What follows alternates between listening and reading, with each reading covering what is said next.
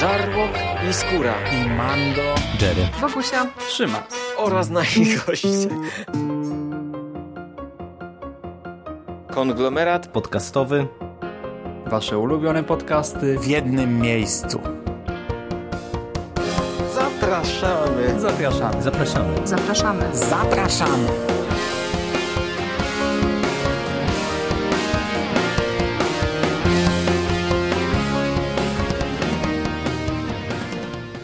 Cześć, z tej strony Michał Rakowicz, czyli Jerry i witam bardzo serdecznie wszystkich słuchaczy Karpiowego Podcastu oraz konglomeratu podcastowego. Dzisiaj tak pozwoliłem sobie zrobić taki mały crossover, ale e, to jest związane z tym, że trochę będę nawiązywał do e, tego, co robimy w jednej i drugiej audycji. I e, w dniu dzisiejszym chciałbym Wam opowiedzieć o e, drugiej książce Maćka Lewandowskiego zatytułowanej Cienie Nowego Orleanu, e, a wydanej przez wydawnictwo Uroboros, no nasze zaprzyjaźnione wydawnictwo Uroboros, które od lat serwuje nam Gwiezdne Wojny, Gwiezdne Wojny w nowym, a teraz także w starym książkowym kanonie. No i to jest jedna z przyczyn, dlaczego możecie mnie też słuchać w konglomeracie, a nie tylko w karpiowym. A skąd ten cross skarpiowym? Ano stąd, że my debiut Macieja Lewandowskiego, czyli Splątanie, które ukazało się parę lat temu nakładem wydawnictwa Wideograf, omawialiśmy właśnie w karpiowym podcaście. No i cóż, nie byliśmy zadowoleni po lekturze tamtej powieści. Dyskusja była dosyć długa, więc jeżeli ktoś jest zainteresowany, co nam tak bardzo nie leżało, i co w naszej ocenie poszło y, nie tak, y, no to zachęcam do sięgnięcia po tamten podcast. Mm, no ale możecie się zastanowić, y, co spowodowało, że ja zdecydowałem się sięgnąć po drugą powieść Macieja, jeżeli pierwsza mi się nie podobała. No, otóż poczułem się zachęcony taglinem i reklamami, które mogliśmy widzieć, jeżeli chodzi o ten tytuł. Dlatego, że e, wydawca i zakładam sam autor e, trochę e, łapali nas tutaj na lep dwóch rzeczy, które w ostatnim czasie się cieszą sporą popularnością. Jedna, powiedziałbym, niesłabnącą popularnością jest to Lovecraft. Druga, no to mimo wzlotów i upadków, także rzecz przez wielu uważana za kultową, czyli serial True Detective, bo można było przeczytać, że Cienie Nowego Orlanu są właśnie powieścią, e, która e, powinna fanów e, czy to Lovecrafta, czy to serialu Nika Pizzolatto zainteresować. No i ja podchodząc oczywiście z pewnymi obawami stwierdziłem, że powiem sprawdzam, i przekonam się na własnej skórze, e, ile w tym jest prawdy, bo to po pierwsze, e, bo ja osobiście bardzo lubię weryfikować e, hasła reklamowe wydawców, no bo patrząc z perspektywy ostatnich lat, niestety tutaj dochodzi do różnego rodzaju mniejszych lub większych nadużyć, to może nawet złe słowo, ale czasem zabawnych pomyłek, bo czasem te hasła sugerują nam coś zupełnie innego niż dostajemy w środku ale to jest pewnie materiał na osobny podcast. No i cóż, ja e, sięgnąłem po tę powieść, przeczytałem ją, e, no i od razu na wstępie powiem Wam dwie rzeczy. Czy hasło się sprawdza? Mm, I tak i nie. To rozwinę w dalszej części podcastu. Czy druga powieść Macieja Lewandowskiego jest tytułem udanym? I tak i nie, ale powiedziałbym, że jest e, książką e, dużo, dużo lepszą niż Splątanie i ja bawiłem się całkiem nieźle, e, mimo pewnych uwag, które no wkrótce po kolei Wam wyłuszczę. E, na początek trochę historii, dlatego że Cienie Nowego Orleanu e, to jest powieść, która e, ukazała się po raz pierwszy nie na papierze, ale w formie serialu audio dostępnego w audiotece. Serialu audio, który cały czas możecie przesłuchać. Lektorem w przypadku tego serialu audio e, był pan Bonaszewski, o którym ja już wielokrotnie mówiłem, czy to w przypadku e, serii Onesbo, czy to omawiając H.P. Lovecrafta e, zbiór od wydawnictwa 9, gdzie on też był jednym z lektorów. Ja sprawdziłem sobie tylko to słuchowisko. Mi ta wersja audio się podoba, przy czym mm, wydaje mi się, że E, forma e, właśnie takiego słuchowiska, takiego serialu e, audio trochę wpłynęła na odbiór mój całości tej powieści już w wersji papierowej. To po pierwsze. Po drugie, wydaje mi się, że aktualna dostępność, czy aktualna sensowność, że tak powiem, zakupu tej powieści w odcinkach jest mocno dyskusyjna, ale to też o tym przejdę, czy do tego przejdę za chwilę. Najpierw e, z czym mamy tak naprawdę do czynienia? Cienie Nowego Orleanu jest to powieść, e, w trakcie której przenosimy się e, w czasie na początek XX wieku, do lat 20. Śledzimy poczynania niejakiego Johna R. Legrasa, starego policjanta, który no, można powiedzieć, już z niejednego pieca chleb jadł. Jest to weteran też I wojny światowej i on pracuje w Nowym Orleanie. E, jest policjantem z przeszłością, dlatego że e, jak szybko się dowiadujemy, on e, pewnie gdzieś około 10-15 lat temu na bagnach Luizjany w okolicach Nowego Orleanu rozbił kult, tajemniczy kult, który no, zajmował się między innymi składaniem ofiar z ludzi. No i to odcisnęło na nim wyraźne piętno, tym bardziej, że znaleziono różnego rodzaju artefakty, między innymi tajemnicze bluźniercze figurki e, czy posążki, które e, no, nie dają e, tak naprawdę Legrasowi i wszystkim policjantom, którzy w tamtej akcji uczestniczyli, do, no, żyć w spokoju tak naprawdę. Gdzieś tam to w nich siedzi. No i po tych parunastu, kilkunastu latach przerwy te wydarzenia z przeszłości wydaje się, że zaczynają wracać.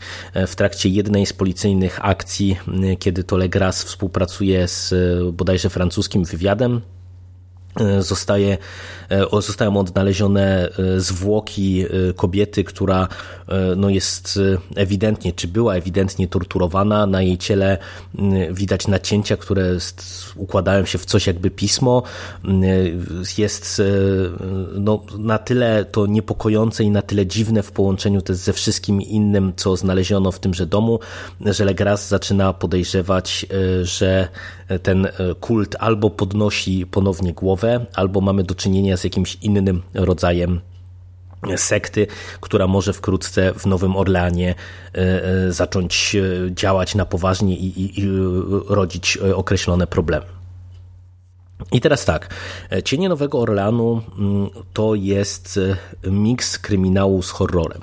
E, I to jest miks całkiem udany. E, wydaje mi się, że Maciejowi Lewandowskiemu udało się całkiem nieźle połączyć te, te dwie konwencje. Nie jest to jakieś specjalne nowum, no bo e, horror i kryminał widzieliśmy w połączeniu już wielokrotnie. Natomiast tutaj całkiem nieźle to działa. Widzimy właśnie te stopniowe dochodzenie Legerasa do prawdy, taką typową policyjną, czy później detektywistyczną robotę po nitce do kłębka, weryfikowanie poszczególnych śladów, tropów, e, które gdzieś tam się rzucają, przesłuchania i tak dalej, i to jest e, naprawdę całkiem e, nieźle rozpisane, z drobnymi uwagami, ale o czym też zaraz więcej powiem. E, z drugiej strony, faktycznie te elementy horrorowe też w wielu przypadkach są fajne, e, bo Maciej Lewandowski pokazuje tutaj, że ma rękę do niezłych, plastycznych, czasem naprawdę mocnych, obrzydliwych opisów.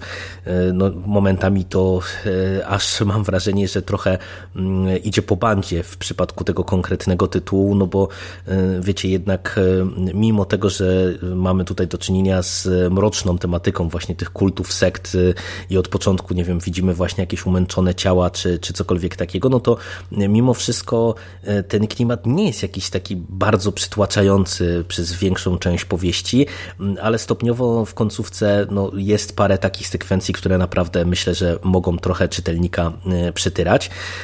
Tym bardziej, że to jest też miks kryminału i horroru taki, który trochę pogrywa sobie z e, nami, czytelnikami e, i z oczekiwaniami, e, które sobie budujemy w trakcie lektury na dwóch poziomach. Po pierwsze, mamy już i w tagline widocznego tego Lovecrafta, ale mówię i w tagline, ale także od samego początku te inspiracje Lovecraftem są bardzo, bardzo widoczne w tekście. Tak naprawdę to, co się wydarzyło na bagnach Luizjany, no to jest w zasadzie opis tego, co widzieliśmy e, w opowiadaniach e, e, Lovecrafta, między innymi w Zewie Cthulhu. Widzimy nawiązania wprost, czy to przez nazwiska, czy to przez konkretne postaci, czy konkretnie miejscówki, konkretne jakieś artefakty do innych opowiadań z tego tak zwanego nurtu mitów Cthulhu. I według mnie jest to akurat element, który jest e, trochę przyciężki.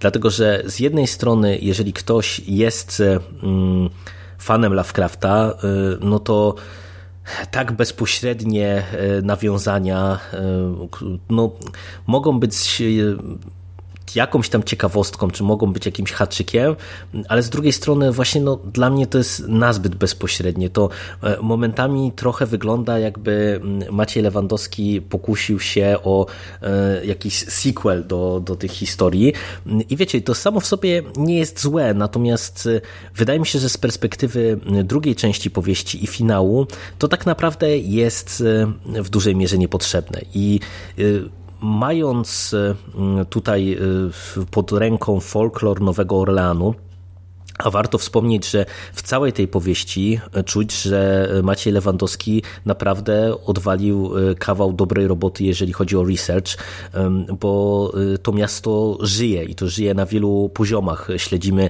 e, życie przestępców, śledzimy życie właśnie policjantów, życie zwykłych ludzi, niewolników, różnych właśnie kast społecznych, czy niewolników, no już teoretycznie można powiedzieć, że nie, teoretycznie i w praktyce nie ma niewolnictwa, ale można powiedzieć, że cały cały czas tutaj ta segregacja rasowa e, jest bardzo istotna e, i naprawdę jest sporo tutaj fajnych elementów e, z powiedziałbym folkloru, ale nie tylko, czyli z tej historii tego miasta, tej części świata z tamtego okresu.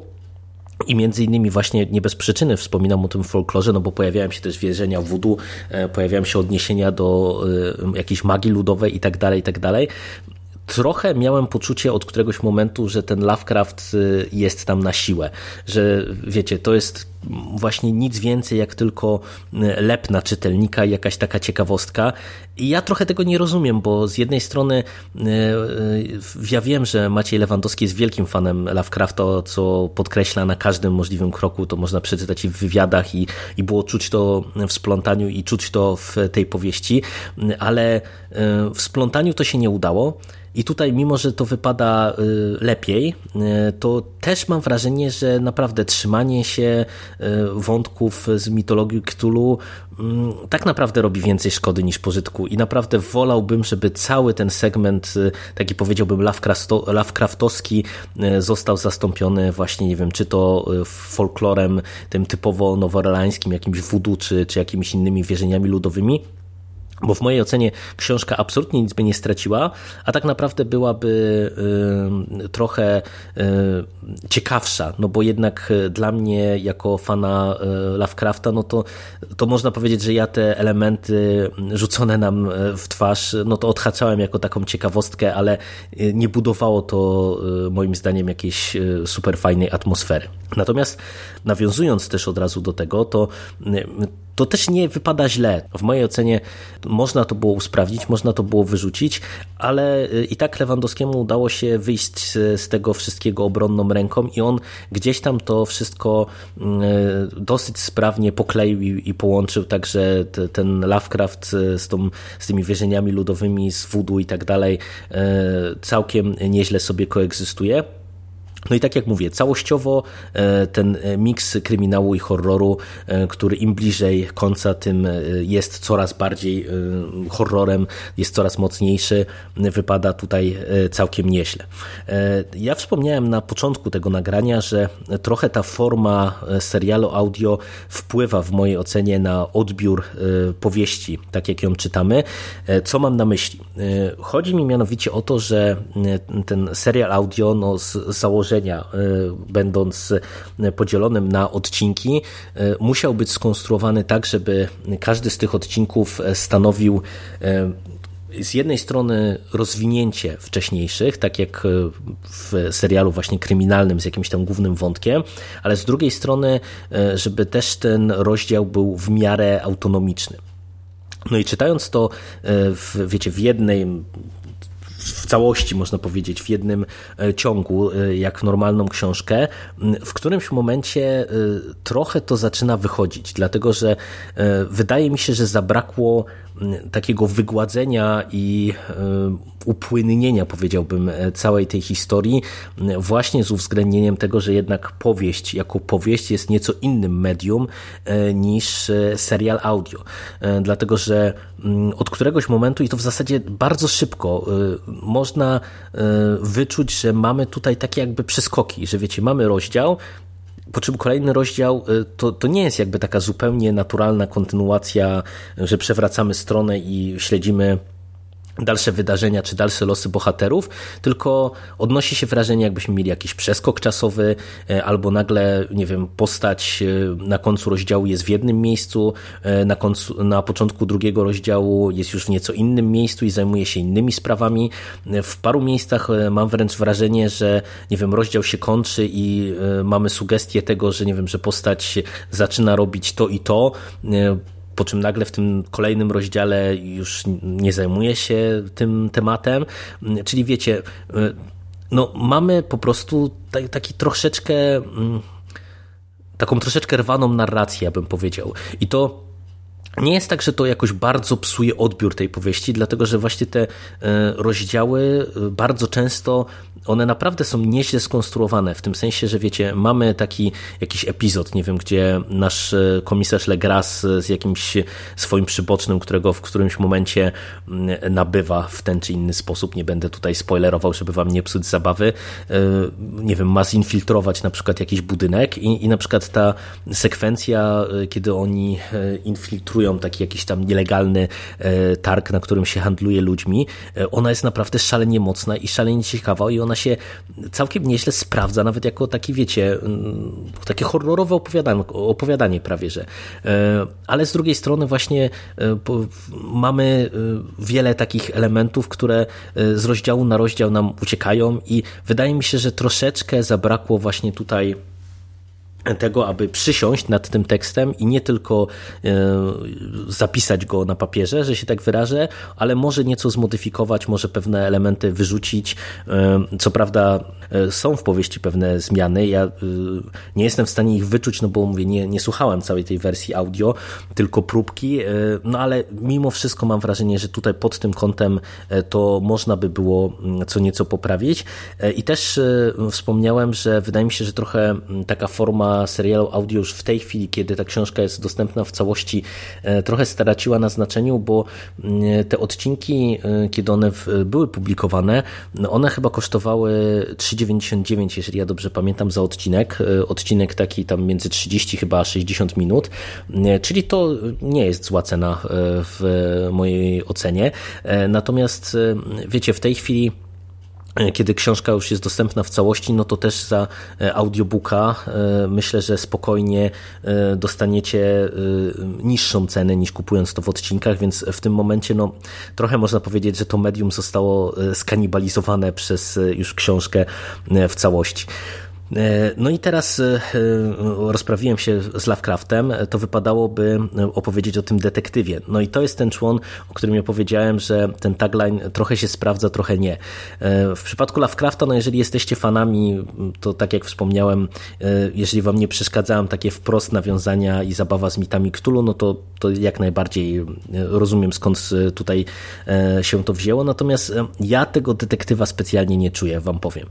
Oczywiście, jakby jak się spojrzy na elementy składowe, czyli policjant z jakąś tam mroczną przeszłością, rytualne mordy i tak dalej, i tak dalej, dosyć ciężka tematyka, to gdzieś tam teoretycznie może się to wydawać zbieżne, ale według mnie to jest nazbyt powierzchowne i, i tak naprawdę Teoretycznie to są podobne elementy, ale zupełnie inaczej poukładane. Jednak e, detektyw e, wydaje mi się, mimo tego, że on oczywiście miał te wszystkie elementy, które kojarzymy z e, word fiction, to tam tak naprawdę ta zagadka kryminalna jako zagadka kryminalna ona nigdy nie była na, na pierwszym planie, a w przypadku Cieni Nowego Orleanu jest tak, że to jest mimo wszystko w mojej ocenie dosyć e, standardowy kryminał. E, standardowy oczywiście to nie jest pejoratywne, bo ja osobiście bardzo lubię kryminały i e, wiecie, taka pewna schematyczność tego gatunku moim zdaniem jest zaletą w tym konkretnym przypadku, a nie nie wadą. Także wydaje mi się, że trochę tego detektywa można było odpuścić i, nie próbować złapać czytelników właśnie na ten motyw, bo jeżeli ktoś faktycznie by sięgnął po ten powieść z takim nastawieniem, no to myślę, że może się troszeczkę rozczarować. A całościowo y, ja jestem e, zadowolony z lektury. E, tak jak e, słyszeliście, mam swoje uwagi wydaje mi się, że mogło to by być płynniejsze. Niepotrzebnie mamy tutaj tyle tego Lovecrafta naćkanego wprost. Natomiast no, widać ewidentną poprawę w mojej ocenie. Tak jak splątanie na wielu frontach było nieudane, no to tak tutaj Naprawdę Maciej Lewandowski e, zdecydowanie, ale to zdecydowanie e, się poprawił. Mm, mamy dobrze e, przeprowadzony research, farnie zbudowany świat, nieźle nakreślone postacie, które mimo, że początkowo mogą się wydawać takimi, wiecie, kalkami znanych kryminalnych i, i nie tylko motywów, bo to jakiś tam, nie wiem, zapijaczony policjant z przeszłością, ale nie, on akurat tutaj całkiem nieźle poradził sobie, żeby te, te główne postaci były na swój swój sposób interesujące i żeby właśnie się nie zamykały mm, w paru prostych e, cechach charakteru, tylko żeby, żebyśmy mieli poczucie, że obcujemy po prostu żywymi postaciami i to się całkiem nieźle udało. Nieźle gra właśnie e, kwestia e, tego wątku kryminalnego połączonego z horrorem. Naprawdę, tak jak wspomniałem, niektóre te sceny, sekwencje grozy są całkiem e, nieźle i, i, i powiedziałbym nawet mocno e, pociągnięte i, i, fajnie to wypada. Mm, także, no cóż, e, myślę, że jeżeli poszukujecie właśnie jakiegoś tam kryminału na zbliżające się lato, bo to kryminały zawsze mi się kojarzą z latem, albo lubicie właśnie taki miks jak kryminał z horrorem, to biorąc poprawkę na to, co wszystko, na to wszystko, co powiedziałem wcześniej, wcześniej, to śmiało możecie po ten tytuł sięgnąć, bo to jest naprawdę e, porządna, e, porządne czytadło, porządna literatura rozrywkowa. E, no i mam nadzieję, że Maciej Lewandowski taki kierunek utrzyma, nadal się będzie rozwijał, może stanie trochę bardziej na, na własnych nogach, odcinając się od swojego mistrza. No i ja jestem ciekaw, co on nam tam w przyszłości wysmaruje i wysmaży. Z mojej strony to na dzisiaj tyle. Dziękuję Wam bardzo i do usłyszenia w przyszłości. Cześć!